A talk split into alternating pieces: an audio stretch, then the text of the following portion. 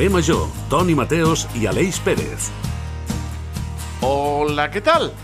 Anem amb una bona notícia. Un treball de recerca del grup de microbiologia de Vall d'Hebron, Institut de Recerca i de la Universitat Politècnica de Catalunya han aconseguit desenvolupar un nou mètode diagnòstic automatitzat per detectar la malària basat en la intel·ligència artificial i també la integració de tecnologia en una app per dispositius mòbils. Es tracta de realitzar una captura amb un telèfon intel·ligent i passar aquesta captura a una intel·ligència artificial que l'analitzaria amb un microscopi i et diu amb una fiabilitat del 90% si hi ha malària en aquest pacient. L'any 2020 es van diagnosticar 241 milions de casos de malària en 85 països. Dades de la OMS, de l'Organització Mundial de la Salut. La majoria dels casos es reporten a l'Àfrica subsahariana. Però d'això no es parla. D'aquesta bona notícia no es parla. Es parla de tonteries. Per exemple, la d'un streamer anomenat Boogles que va decidir ficar dues forquilles en dues torradores enxufades. Sí, sí. Com poden imaginar-se, el bo d'en Boogles es va electrocutar i el vídeo s'ha fet viral. Es veu aquest Einstein sortint volant davant de la càmera per la descàrrega que rep. Jo això li anomeno selecció natural. Per això, cada vegada que sento a un jove que vol ser youtuber o streamer en lloc de científic o investigador i eh, investigar sobre la malària, sobre el càncer, i decideixen doncs, fer aquestes tonteries, alguna cosa es trenca dins meu. Quines tonteries has fet tu davant de la càmera o dels micros, Aleix Pérez? Bona tarda. Molt bona tarda, Toni Mateos. Eh, Carrer Major no és una d'elles, No, però... No, no, no. De moment, No, no. a veure... Eh, tampoc hem fet tantes tutories a Carrer Major, ens portem bé. Ens portem bé. No? sí. Fem bondat, som, som... Però jo alguna vegada he tingut algunes idees d'això. Jo recordo, va haver una època, clar, jo, jo sóc una persona dels principis dels 2000, i clar, i com a bona persona al principi dels 2000, als 11-12 anys vaig decidir que era una bona idea muntar-me un canal de YouTube. I clar, i vaig començar a penjar vídeos de Minecraft, i clar, i a mi em semblava el contingut més xulo que podia haver-hi. Amb un amic van dir, ens agafem una capturadora, no sé què, ens comprem el Minecraft i pengem vídeos. No sé on estaran. No sé on estaran, sincerament. Estaran per YouTube. Buscaré. A- a- Hauria de fer una, un periodisme d'investigació bastant dens, però jo crec que aquests vídeos algun lloc han d'estar. Algun lloc han d'estar, Toni Mateu. T'imagines que tenen milions de visualitzacions i tu allà sense reportar? Home, doncs, doncs masses diners no, masses diners no m'han arribat eh, d'aquests vídeos, perquè... T'arribaran diners de carrer major. això sí, això sí. Ja ho saben, són els que portem la informació, l'actualitat i el bon humor a les tardes de la nova ràdio de Reus, Ràdio Montblanc, Ona la Torre, Altafulla Ràdio, Ràdio Hospitalet de l'Infant, Baix Camp Ràdio, Ràdio Ciutat de Tarragona i Ràdio La Selva del Camp, juntament amb la xarxa de comunicació local. El control tècnic, en Diego Moreno, investigador de cables. I darrere dels micròfons un servidor, el Toni Mateos, que es rampa amb els micros, fiquen la llengua de vegades i... "Eh", i els acompanyarem fins a les 6. Benvinguts a Carrer Major. Tot el que passa al Camp de Tarragona t'ho expliquem a Carrer Major.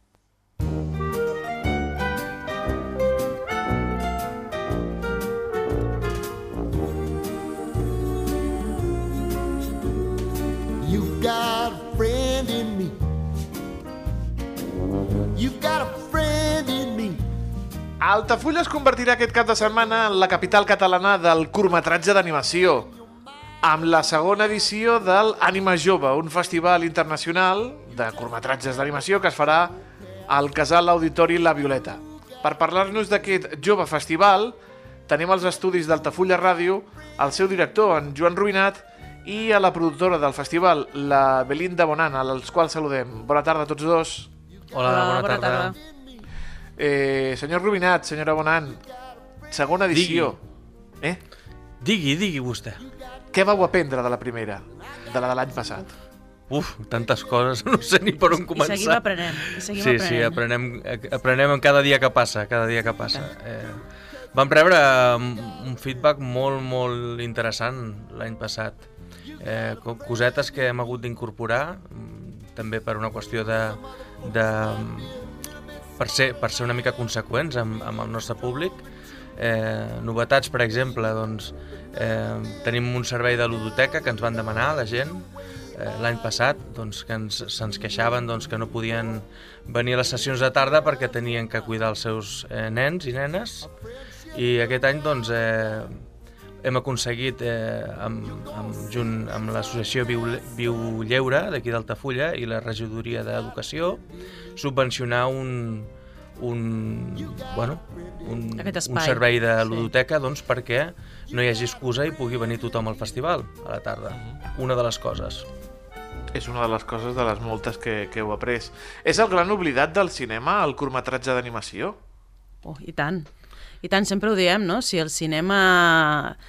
No, no partim del cinema que anem a veure als cines, aquestes grans pel·lícules que ens venen de Hollywood, parlem del cinema en general, que, hi- que hi ha moltes vessants, és un gran oblidat, no? És, eh, costa d'arrencar la gent, doncs ja l'animació és, bueno, molt, molt complicada de fer arribar, i més quan tenim aquest, eh, aquesta sensació de que l'animació és per infants no? i nosaltres estem fent una aposta per l'animació en curtmetratge, que ja és complicat també el curtmetratge, per adults. Eh, i, i per, potser, potser es pregunten per què, per, per què ho fem, no? Sí. Per què ens compliquem tant la vida? Doncs fixeu-vos que ens agrada tant el curtmetratge i l'animació que, que és el que, el que volem fer i el que volem compartir amb tothom, no? Sí, bueno, eh, eh, som una productora audiovisual aquí a Altafulla i fem, fem producció de curtmetratges i de i d'animació, principalment. Doncs eh, aquesta ne- necessitat que vam tenir doncs, quan vam iniciar l'empresa doncs, de veure de que aquí hi havia un buit, aquí al Tarragonès, no? hi havia un buit, no existia res, no, no existia cap festival que, que, que fes propostes del curtmetratge d'animació, no? que si volíem anar a algun lloc havíem d'anar a l'Animac, no? a Lleida és un gran festival, eh, molt, molt gran, no?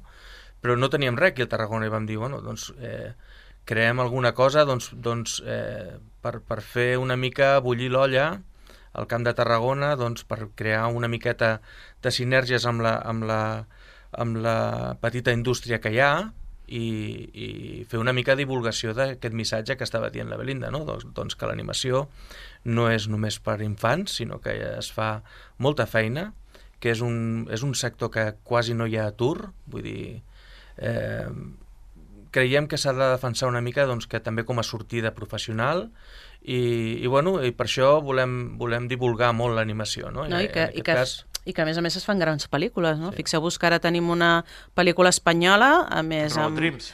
Exacte, els Òscar, a més que també s'ha fet aquí a Catalunya, vull dir que n'hem d'estar orgullosos, no? I és una pel·lícula per adults, no? Uh -huh. eh, llavors, creiem no, que això s'ha de, de dir i s'ha de fer entendre a la gent i que és veritat que a vegades pot costar, però que estem segurs que si s'hi venen al festival començaran a canviar el xip i segur que els agradarà tant com a nosaltres, no? I sense, sense cap diàleg, que això és el bo de Robot Sí. Dreams. Ah, ui, és el més complicat, és un, eh? un gran repte. Sí, sí, no, És no, un és, repte és, és, enorme. És un repte immens, immens. Sí, no hi ha cap sí, diàleg, sí. No, no hi ha ni una sola paraula en la pel·lícula. Sí, sí. I això és el que ho fa més gran, no? Perquè, per exemple, en el nostre cas tenim una pel·lícula nominada, bueno, un curtmetratge nominat als Oscars de l'any passat, que es diu Ice Merchants, que per nosaltres és una joia, perquè per lo mateix que dius tu, no?, també. O sigui, està tot explicat sense diàlegs i la veritat és que s'entén tot i és superbonica, no? Llavors, això encara porta no, més valor, no?, a la proposta. Exacte, i tots aquests doncs, projectes no, que al final també que serveixen per, per, per encoratjar tota la gent que potser està pensant en, en treballar, que, que heu rebut un munt de treballs, no? Heu fet també una, una tria. També com ha anat i quins criteris heu tingut en compte? També entenc que dintre de la diversitat que hi ha dins de tots aquests curtmetratges. Sí, eh, bueno, com a part de les novetats que dèiem abans, eh, aquest any esdevenim festival amb seccions competitives i per aquesta raó doncs, vam obrir convocatòria a finals d'estiu, crec. Eh, vam rebre 145 curtmetratges de 22 països, eh, dels quals per aquestes tres seccions hem triat 22 i, i una mica el, el criteri de selecció eh, doncs és, va una mica una mica amb, amb l'ADN que té i l'editorial que té el, el festival, doncs que ens agraden per exemple, tenim una secció documental doncs, que ja, ja de per si és, és eh, especial no? dins el món de l'animació. Doncs, per nosaltres els, els curtmetratges que expliquen coses profundes, eh, que hi ha una consciència social doncs és important per aquesta secció documental i en la ficció ens hi fixem molt amb la qualitat dels treballs, amb que els, eh, les històries estiguin ben explicades i que sempre hi hagi aquesta sensació de qualitat, no? perquè nosaltres el que intentem és, és eh, portar aquí al Tafulla i aquí al Tarragonès i a tota la comarca doncs, la màxima qualitat possible dintre de les nostres eh, eh, bueno, de, de lo que podem aconseguir, no? Sí, afegir una mica a tot això, doncs buscar també la diversitat, no? La diversitat en temàtiques, la diversitat en fórmules narratives i la diversitat també en tècniques, no? Tècniques Mostrar moltes diferents tècniques d'animació. També creiem moltes vegades que aquestes tècniques i l'animació en si també ajuden a, a transmetre no? la història i llavors busquem una... És complicat, eh? De veritat us ho he de dir, que primer visualitzar tots els curtmetratges perquè de fet tots els festivals han de mirar tots els curtmetratges, els que més t'agraden i els que no. El Joan aquí s'ha fet un far, pobret. Um, I després a damunt veus treballs que t'agraden molt i que dius, ui, però no sé, clar, has de començar a treure'n uns, posar uns altres, és, és una tasca Bé, això porta, porta... Maca però complicada, sí, no? això porta a una altra de les novetats d'aquest any, i és que eh, hem passat d'una jornada a dues, una mica forçats per això que deia la Belinda, perquè vam, no ens vam poder quedar amb sis curtmetratges de ficció i n'hi han 12. Llavors hem hagut de, de buscar aquest espai eh, eh, logístic doncs, per poder encabir aquestes eh, 12 pel·lícules de, de... bueno, 12 curtmetratges de ficció, no? Eh, ens ha estat molt complicat perquè, perquè era tot, tota la selecció que teníem era de moltíssima qualitat, les grans distribuïdores ens han fet, eh, ens han fet confiança, ens han enviat els seus millors productes i, i realment és que, clar, vull dir, ens, ens era molt difícil treure'ls, no?, aquests, aquests projectes tan macos, no? Exacte, no? això volia preguntar d'on sortien tots aquests treballs, no com feien cap a Altafulla, com coneixien també el, el festival, també gràcies a les distribuïdores. Bueno, nosaltres primer fem una tasca d'informació, o sigui, realment es pot presentar qualsevol, com si tu tens un curtmetratge d'animació el pots presentar. Vull dir, no, no, no tanquem la porta a ningú, però també, a banda de, de fer tota la publicitat que fem i nosaltres ens movem en festivals i allí doncs, en parlem de que tenim aquesta convocatòria oberta, evidentment, eh, en el món del, del curtmetratge hi ha distribuïdores que s'encarreguen no, de moure aquests curtmetratges per festivals i per tant el que fem és tocar les seves portes no? i dir, escolteu, aquí tenim un festival envieu-nos els vostres treballs perquè els volem veure no? i llavors aquesta és, és una de, de, de les altres tasques no? que, que fem perquè ens arriben tots aquests treballs Heu comentat tres categories. En què consisteixen aquestes tres categories del, de l'ànima jove? Bueno, doncs tenim la secció infantil, que és eh, una secció que hem deixat pels més petits de la casa, on també farem un, un taller que es diu Creànima, doncs, eh, ensenyant eh, petites nocions d'animació amb aquests nens. Això serà el dissabte al matí a les 11. Després tenim la secció documental, que, que es farà el divendres a les 6 de la tarda.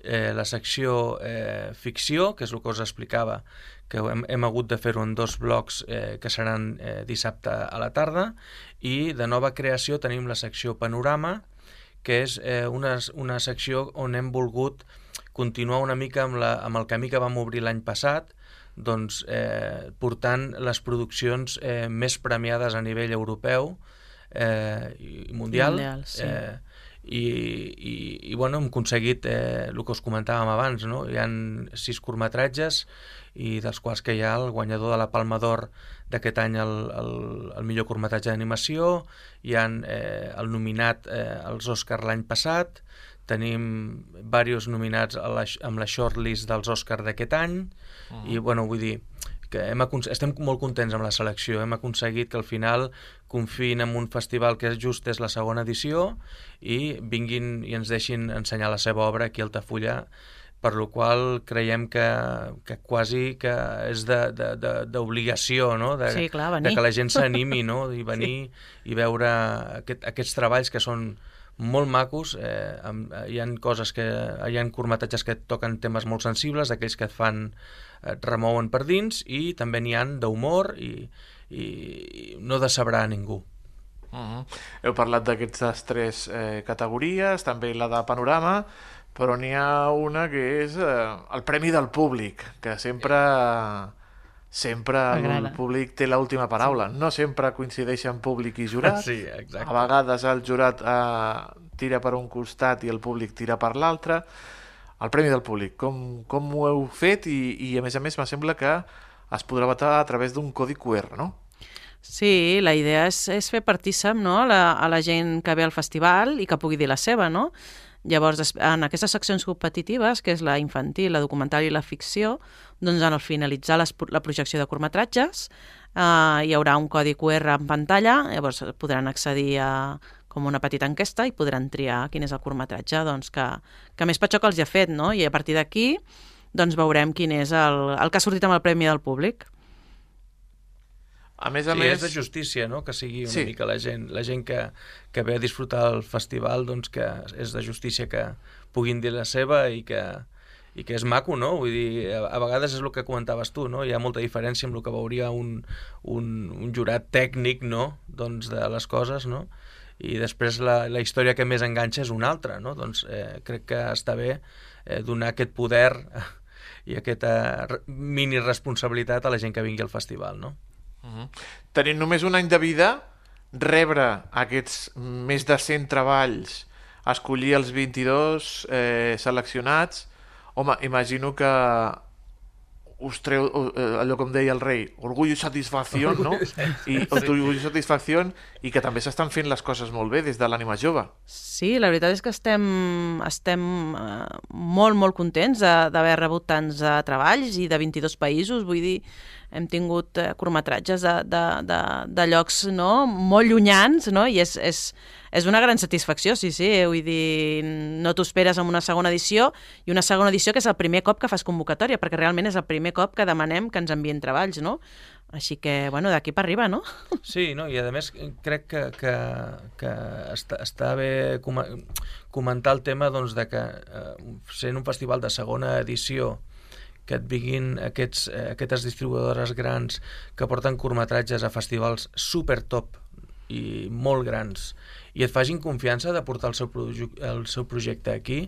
Quan normalment esperen a segon any de, de roda de distribució per fer aquest tipus de festivals més petits, doncs crec que, que parla prou bé doncs, de, de la selecció que fem, perquè ells també ho veuen, eh, parla també de la serietat amb la que tractem els artistes, eh, a vegades aquestes coses eh, tenen importància, no? El, el, el, el donar espai a que, a, que ell, a que ells puguin dir la seva també, és, bueno, totes aquestes coses són importants i, i com deia la Belinda, estem molt contents de, de que ens hagin fet confiança, no? I per tant, davant d'aquest escenari també una mica, com creieu, cap on creieu que ha de créixer aquest festival també pensant en, en el producte, no? Tant, eh, per un costat també el, els curtmetratges, clar que sí, però també tot el que envolta no? en, en, aquest, en aquest festival. Sí, de moment eh, jo crec que aquest any ja hem fet un pas endavant i el que volem ara és una mica no, eh, Consolidar-ho. consolidar aquesta proposta, no? Eh, i inclús eh, no, fer-la que, que la conegui més gent, no? O sigui, realment el, el nostre propòsit més que ara créixer, no? per d'aquí un o dos anys és que la proposta es consolidi i que la conegui molta més gent.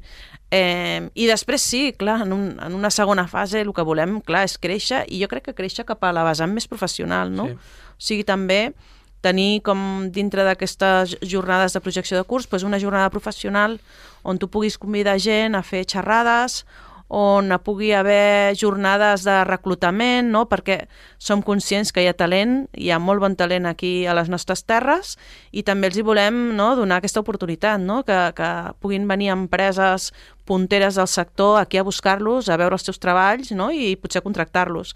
Llavors va una mica per aquí, no? el, el nostre treball un cop consolidem la proposta és eh, ampliar cap a la vessant professional. Sí, és, és, és, és, l'únic que no volem fer és estirar més el braç que la màniga, vull dir.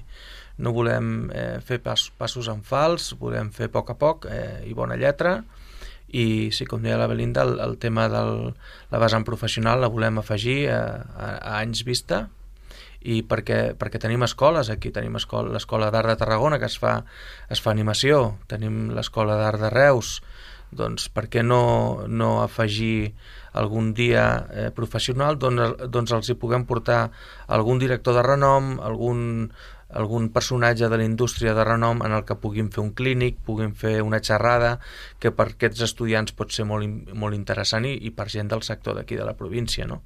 Eh, sí, ho tenim en ment, però com deia la Belinda, volem, volem consolidar una mica la proposta que ja tenim ara i, i, i guanyar una mica en gruixut de, de, segui, de seguidors del festival, no? Segona edició de l'Ànima Jove, aquest eh, Jove Festival Internacional que es farà divendres i dissabte al Casal Auditori La Violeta. Hem parlat aquesta tarda aquí al carrer Major amb el Joan Rubinat i amb la Belinda Bonan. Eh, en els festivals també es diu molta merda?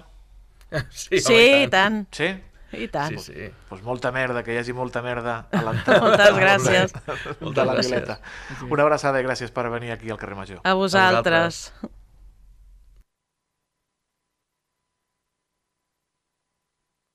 Carrer Major, el primer programa del Camp de Tarragona.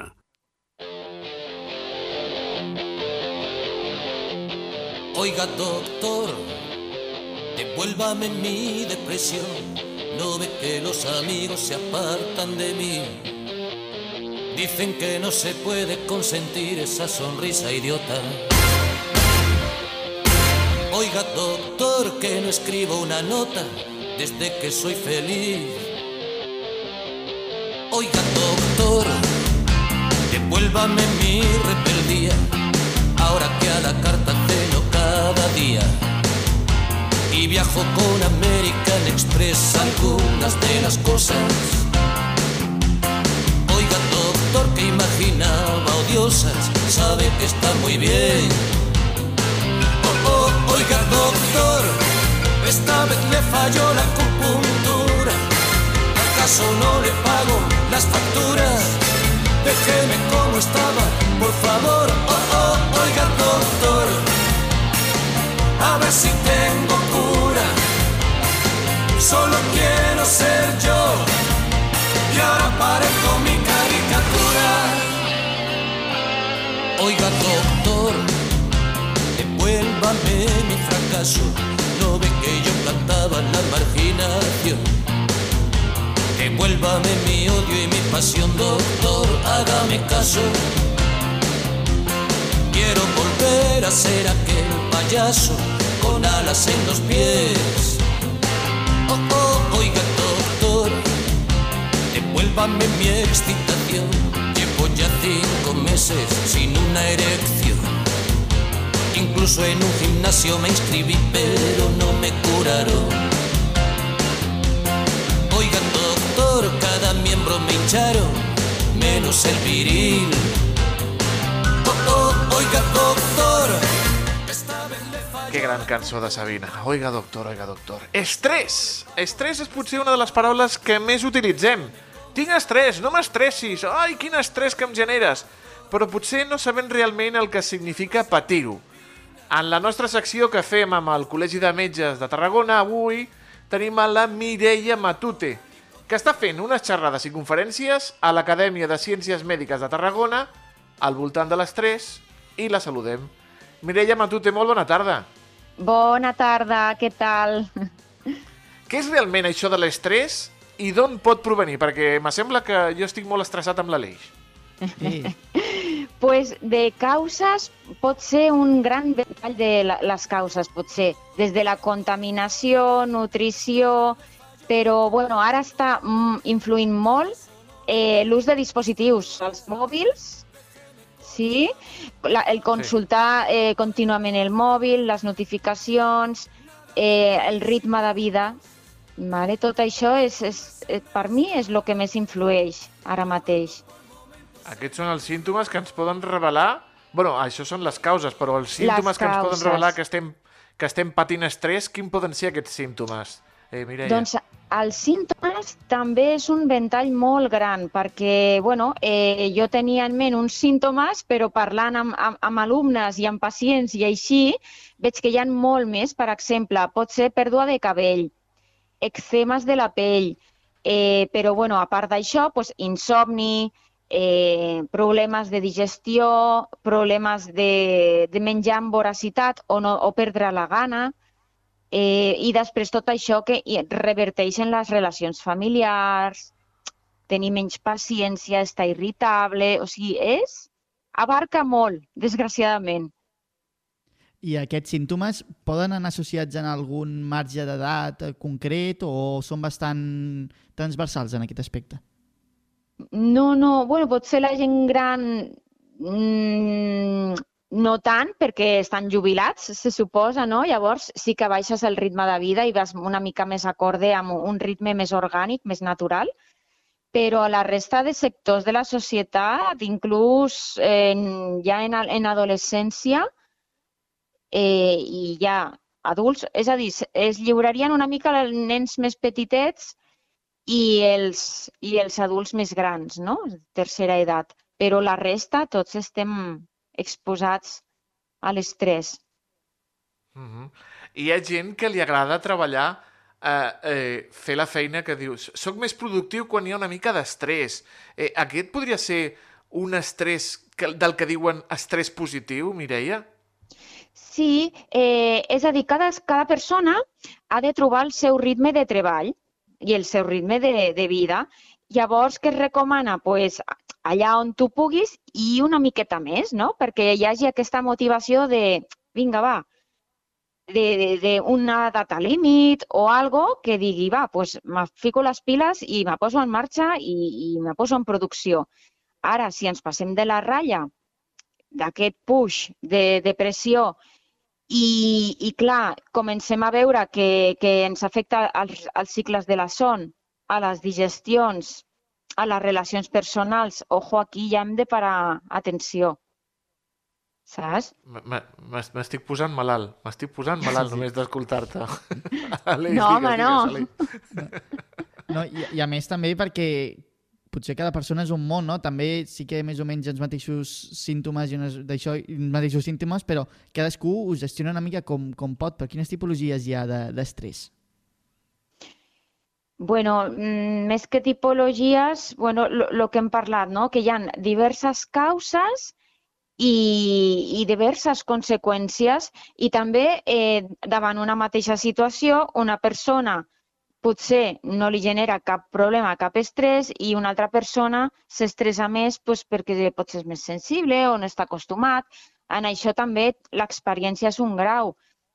També hi ha situacions normals d'estrès. Si tu ets professor i vas per primera vegada a fer classe, doncs serà un estrès que és comprensible i lògic i que amb la pràctica s'anirà passant. Això no és cap, cap preocupació. Però quan és preocupació l'estrès? Jo ho resumiria en quan pateixes més que gaudeixes. Això és l'estrès. La Mireia Matute és formadora de formadors i també instructora de tècniques de relaxació eh, que ara mateix està donant xerrades i conferències eh, molt interessants a l'Acadèmia de Ciències Mèdiques de Tarragona al voltant de l'estrès. Eh, en què consisteixen la, la, les seves xerrades, eh, senyora Matute? Pues, eh, vam fer una aquest dimarts i dimarts vinent eh, tornem. Llavors, pues, s'explica una mica eh, una introducció a, a lo que és l'estrès i després una mica les tècniques, que com podem abordar eh, si, si notem que estem patint mm, pues, alteracions de la son o alguna conseqüència de l'estrès, què podem fer? Doncs tècniques respiratòries, per exemple, per regular el sistema nerviós, i tornar a tenir cicles de la son normal i una vegada que tenim, per exemple, això ja ben regulat, ja tenim molt. I llavors, dimarts vinent, acabarem d'aprofundir també en... També està preocupant molt eh, les distraccions, o sigui, la capacitat de concentració deguda a l'estrès, que molta gent veu mermada la seva capacitat de concentració, de l'atenció, que no sap prestar atenció, i això, bueno, eh, és una preocupació també. Mm -hmm. A mi el company, l'Aleix Pérez, eh, me genera molt d'estrès. Jo faig, respiro, el, la, el 478, saps allò, no, no, no, 4 no segons... Creguis, eh? Calla, no calla, no, no, no, calla no que m'estresses. No te'l creguis. Calla que m'estresses. No te 4 segons respiro, aguanto la respiració 7 segons i després l'expulso lentament durant 8 segons. Eh, Molt algunes bé. tècniques més, alguns consells més per desestressar-nos, per no patir aquesta sensació d'angústia que tinc jo amb l'Aleix Pérez?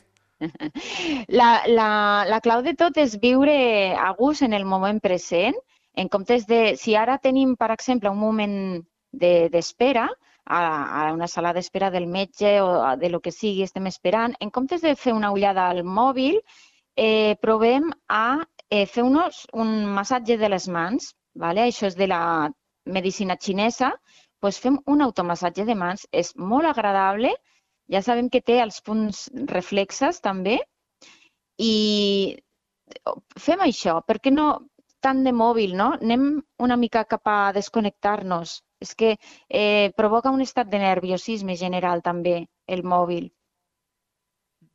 I per anar tancant ja, senyora Matute, que considera que potser com a societat està venint una tendència a l'alça en quant a l'estrès o potser també és una mica una normalització i l'exteriorització de que la gent està en situacions doncs, complicades?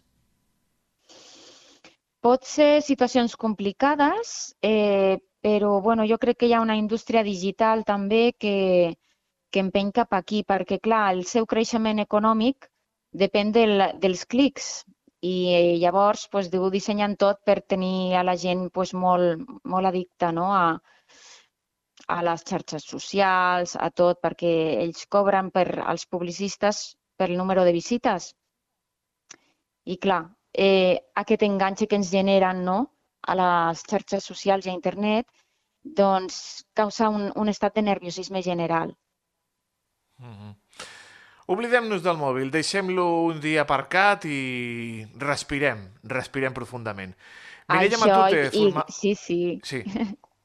Formadora de formadors i instructora en tècniques de relaxació, moltíssimes gràcies per acompanyar-nos a la nostra secció del Col·legi de Metges de Tarragona aquí al carrer Major. Una abraçada i amb, amb l'Aleix, relax, relax. Això mateix, això, a gaudir del moment present. Molt bé. Gràcies, fins la propera. Gràcies. Gràcies. Carrer Major és proximitat.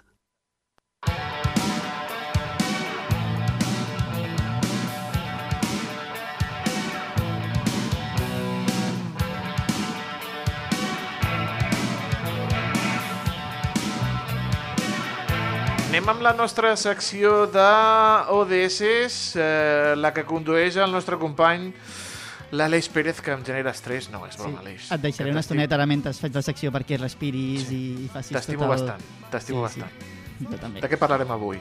Doncs mira, parlarem de que el 27 de gener és el Dia Internacional en memòria de les víctimes de l'Holocaust. Va ser declarat per l'Organització de les Nacions Unides, unes Nacions Unides que també doncs, van ser les creadors dels nostres estimats ODS, els Objectius de Desenvolupament Sostenible. Ho podem encabir amb l'objectiu número 16, que busca al final tots els conflictes i, òbviament, també la memòria històrica. I per parlar-ne teníem nosaltres a l'eurodiputada Diana Riba per parlar-ne i també de l'acte que celebraran a Tarragona la seva vigília demà a les 11 del matí a l'antiga audiència. Molt bona tarda, senyora Riba. Hola, bona tarda a tothom. Bé, primer de tot, eh, què és aquest Dia Internacional en memòria de les víctimes de l'Holocaust i també per què se celebra tot just un 27 de gener?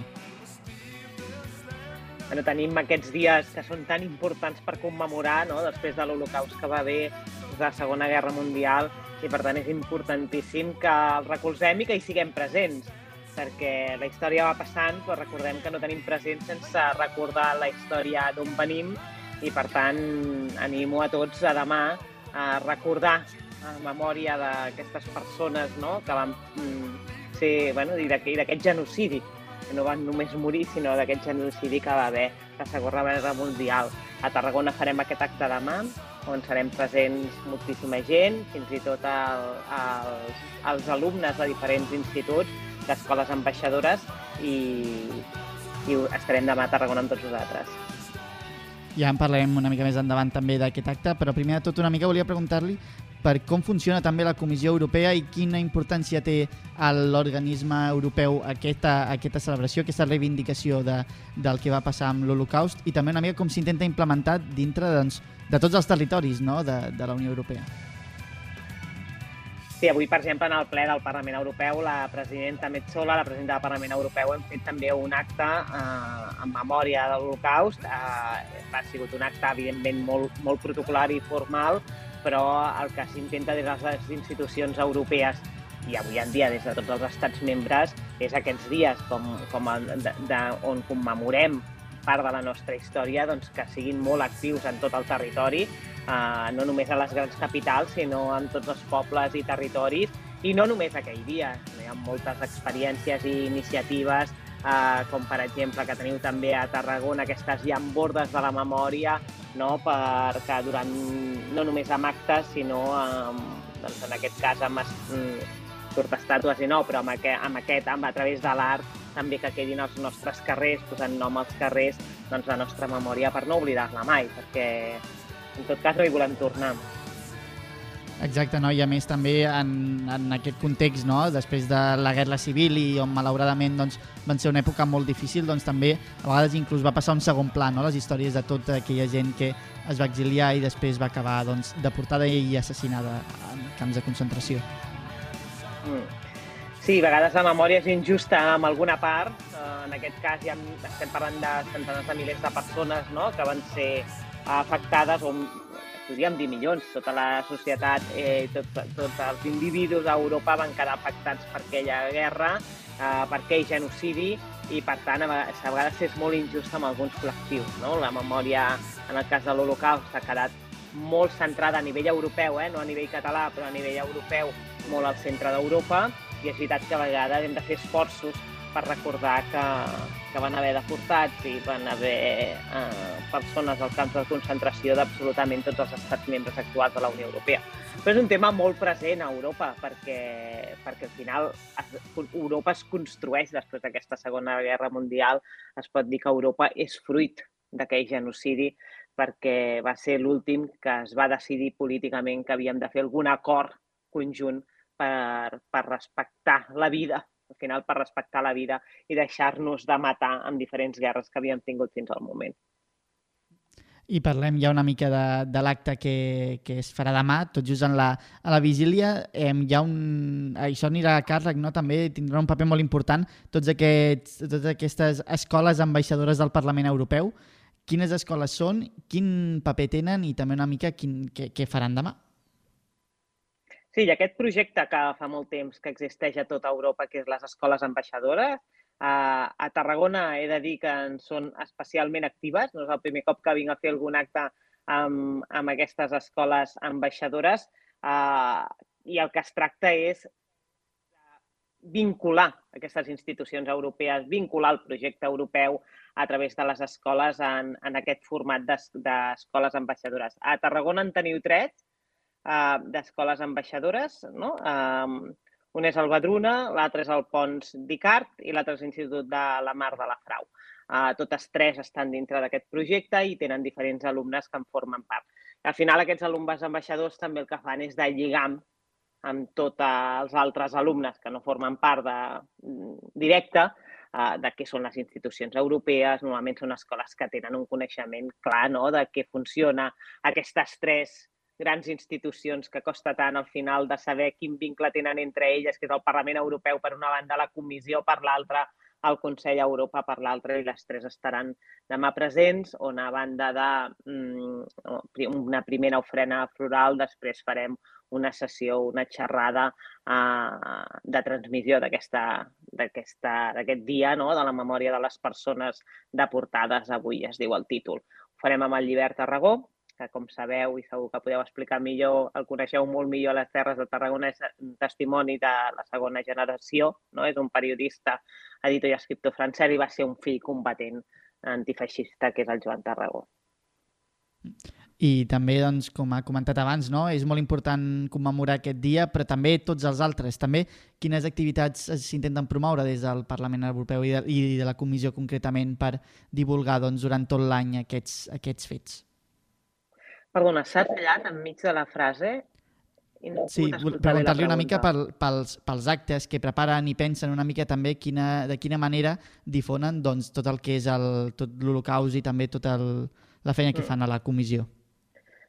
Bueno, en el Parlament Europeu el que fem bàsicament, bueno, és que és un tema que està molt present, perquè més avui en dia portem una deriva en els últims anys de disminució o veiem que s'empetiteix les nostres democràcies, amb, per exemple, tenim molt menys espai de llibertat no? i llibertat d'expressió i llibertat dels mitjans de comunicació i de pluralisme.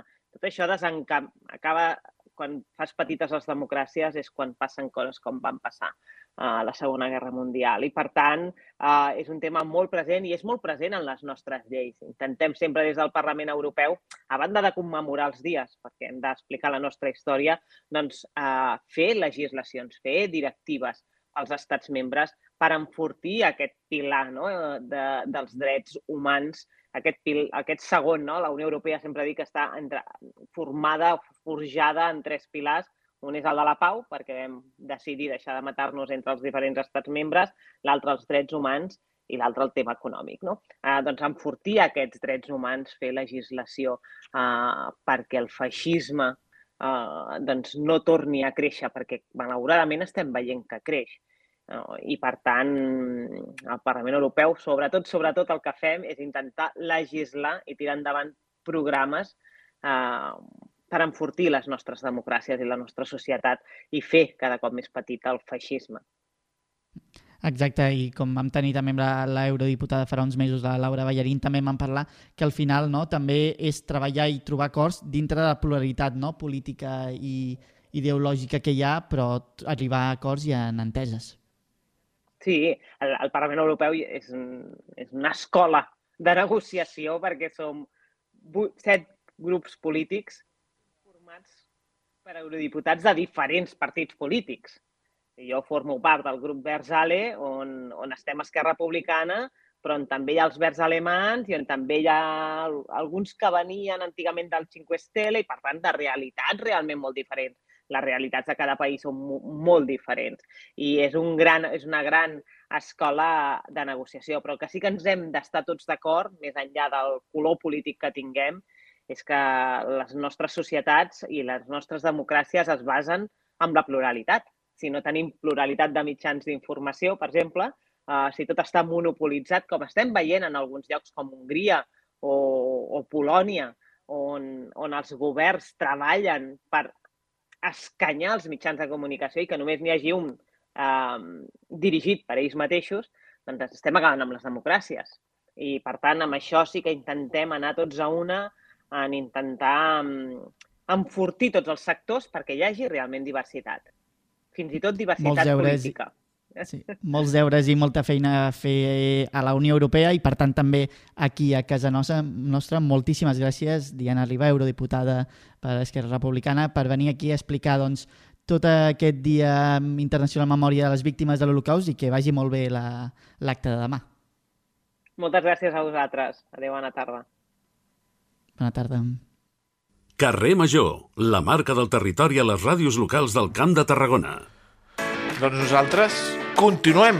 Continuem aquí al carrer Major i ja ho saben, amics i amigues, que la furgoneta li han agafat a la Cristina Artacho. sí, deu haver deixat les claus o li, o li haurà pres l'Àlex pres. directament? Jo crec que li, li, ha han pres no? l'Àlex l'Àlex Riba, li ha pres la furgoneta i s'ha marxat cap a Madrid, a Fitur, en aquesta fira internacional del turisme, i està entrevistant a gent molt important del Camp de Tarragona que tenen moltes coses a dir dins de Fitur.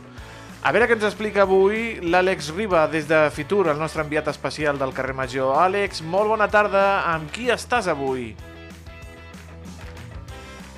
Tarragona, davant de l'estand de la Costa Daurada a Fitur, a Madrid. Ja estem amb la presidenta de la Diputació. Què tal? Hola, molt bona tarda. Doncs sí, cita obligada aquí al Fitur.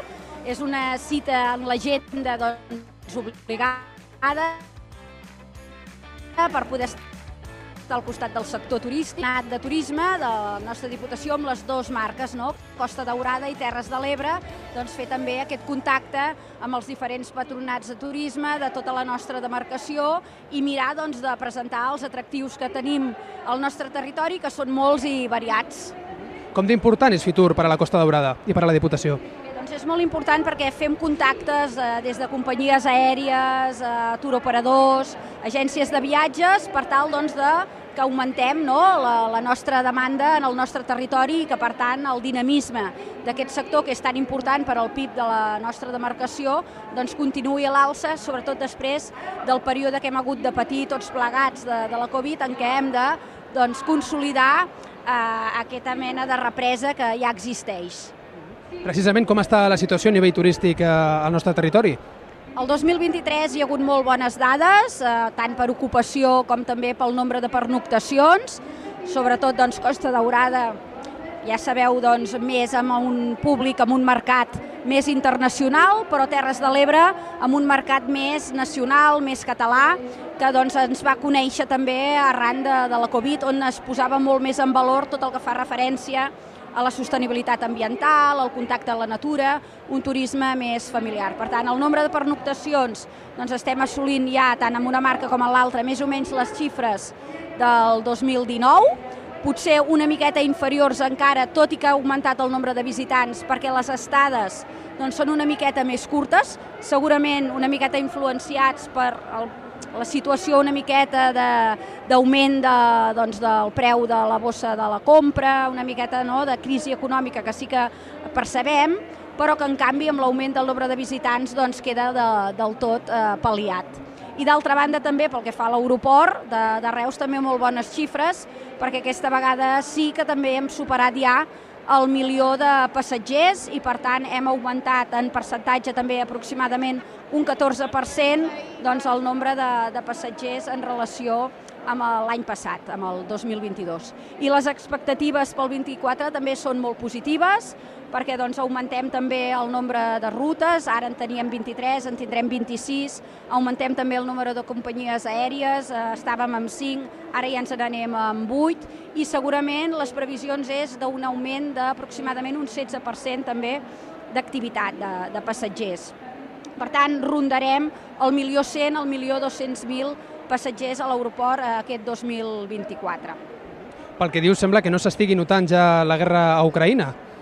Bé, en certa manera sí, pel que et deia de, de la despesa que puguin fer, per exemple, els turistes, sí que és cert que augment, doncs, amb amb el tema de la despesa hem vist una miqueta de disminució i amb el tema de les pernoctacions tampoc no hem arribat encara al 2019 perquè no s'allarga massa l'estada. Eh? Per tant, eh, si estàvem al voltant dels 4 dies, ara potser estem als 3,6 de mitja d'estada. Per tant, amb això encara hi ha marge de, de millora, però com et deia, les perspectives de cara al 24 són molt bones. Per exemple, en tema de vols, és molt important que l'aeroport de Reus eh, hagi mantingut vols molt importants com el de Reus-París, eh, que, que començarà ara ben aviat, el 31 de març, i també que hàgim recuperat la companyia EasyJet amb vols cap a Londres-Luton i cap a Manchester, perquè ja sabeu que per Costa Daurada sobretot doncs tot el que és el mercat britànic, el mercat anglès és important i ara havia disminuït una mica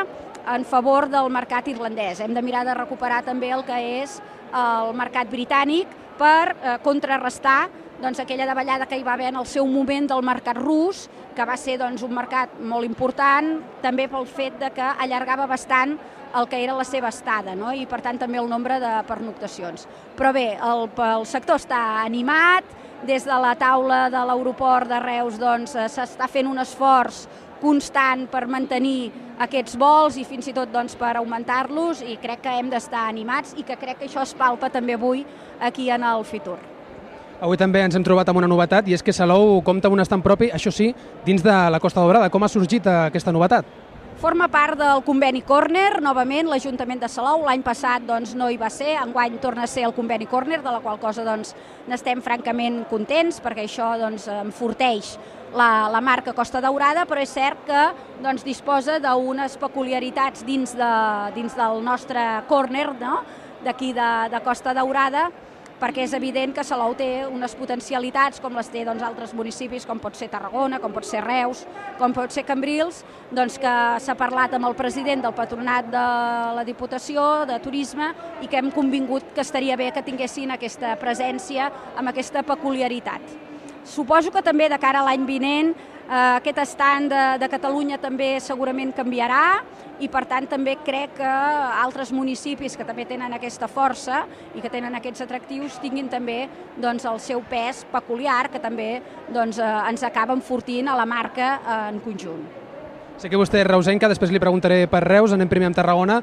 Just abans de, de que comencés aquesta fira de Fitur, s'han sapigut les dades turístiques de Tarragona que milloren les de l'any passat. També quina valoració es fa des de, des de la Diputació?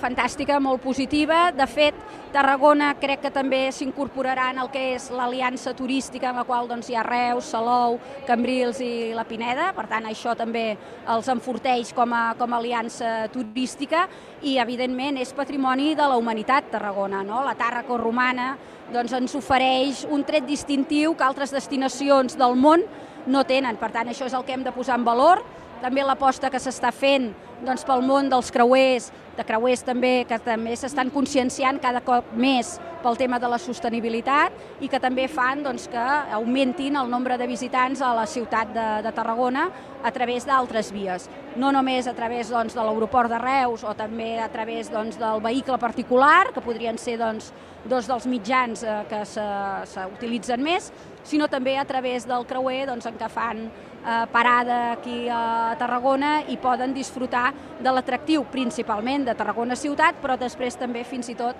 fer alguna excursió, fer alguna escapada amb algun altre municipi del voltant que també doncs, eh, ofereix re realment atractius molt, molt diversos i atractius alhora. I a Tarragona ara sí passem a Reus. Eh, quina és la situació turística de Reus? També molt positiva. De fet, les dades ara últimes que disposem en la campanya de Nadal són realment molt, molt, molt positives, en el sentit que hem augmentat el nombre de visitants en molts dels equipaments turístics que tenim, per exemple el Gaudí Centre més del 20% i l'Institut Pere Mata també gairebé un 40% més de visitants. Això també és fruit doncs, d'aquesta doncs, inversió que s'ha volgut fer en el Pere Mata, no? perquè hi hagi aquell espai immersiu, i que també s'hagi apostat doncs, perquè es vegi com una de les obres referents del també genial arquitecte d'en Domènec Montaner, que com sabeu aquest 2023 hem commemorat l'any i això també ens ha ajudat a que molta gent conegués la, la ciutat de Reus a partir de l'obra de Domènec Montaner.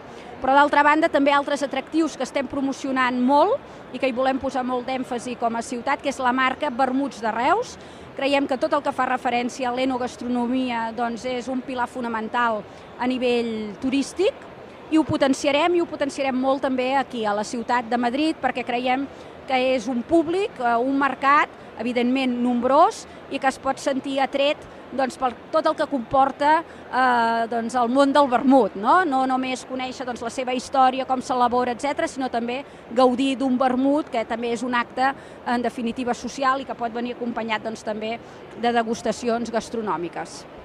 Noemí Llaurador, presidenta de la Diputació, moltíssimes gràcies. Doncs ja ho veieu, companys, eh? les dades turístiques de Tarragona estan en auge, cada any estem eh, millorant, estem superant rècords. Esperem que aquest també sigui un molt bon 2024. Així ho esperem, perquè té tota la pinta que aquest 2024 serà un any de rècord pel turisme al Camp de Tarragona. Per cert, a Madrid eh, s'estimen molt el vermut de Reus, eh? Hi ha molts bars Sí? que, que hi ha... Sí, sí, sí, sí. Hi ha el, sabia les aixetes, grifos, grifos de vermut de Reus. Sí, sí.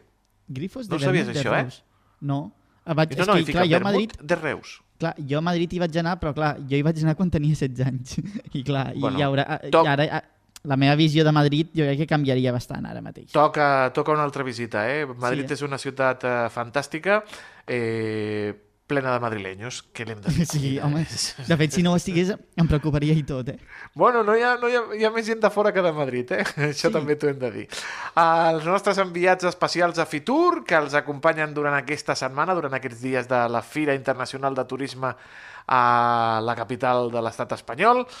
I nosaltres, amics i amigues, que hem arribat al final del nostre programa d'avui dijous. Per demà, Aleix, molta música. Espera't, eh? Perquè demà... Sí? Què tenim demà?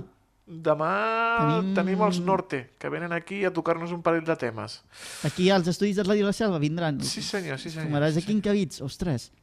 Doncs Els tindrem aquí i els posarem cafè i, i pastetes a la tarda. els rebreu amb, amb els màxims honors, no? Home, sempre, sempre. I poden recuperar el programa d'avui i de tots els dies de la setmana a la seva ràdio a la carta de la seva emissora. Gràcies, Aleix. Fins demà. Gràcies a tu, Toni. Espero que no hagis respirat molt durant el programa d'avui i ens veiem demà. I a tots vostès, els emplacem demà a la seva emissora de confiança aquí, al carrer Major. Bona tarda, Vagi fins bé. demà.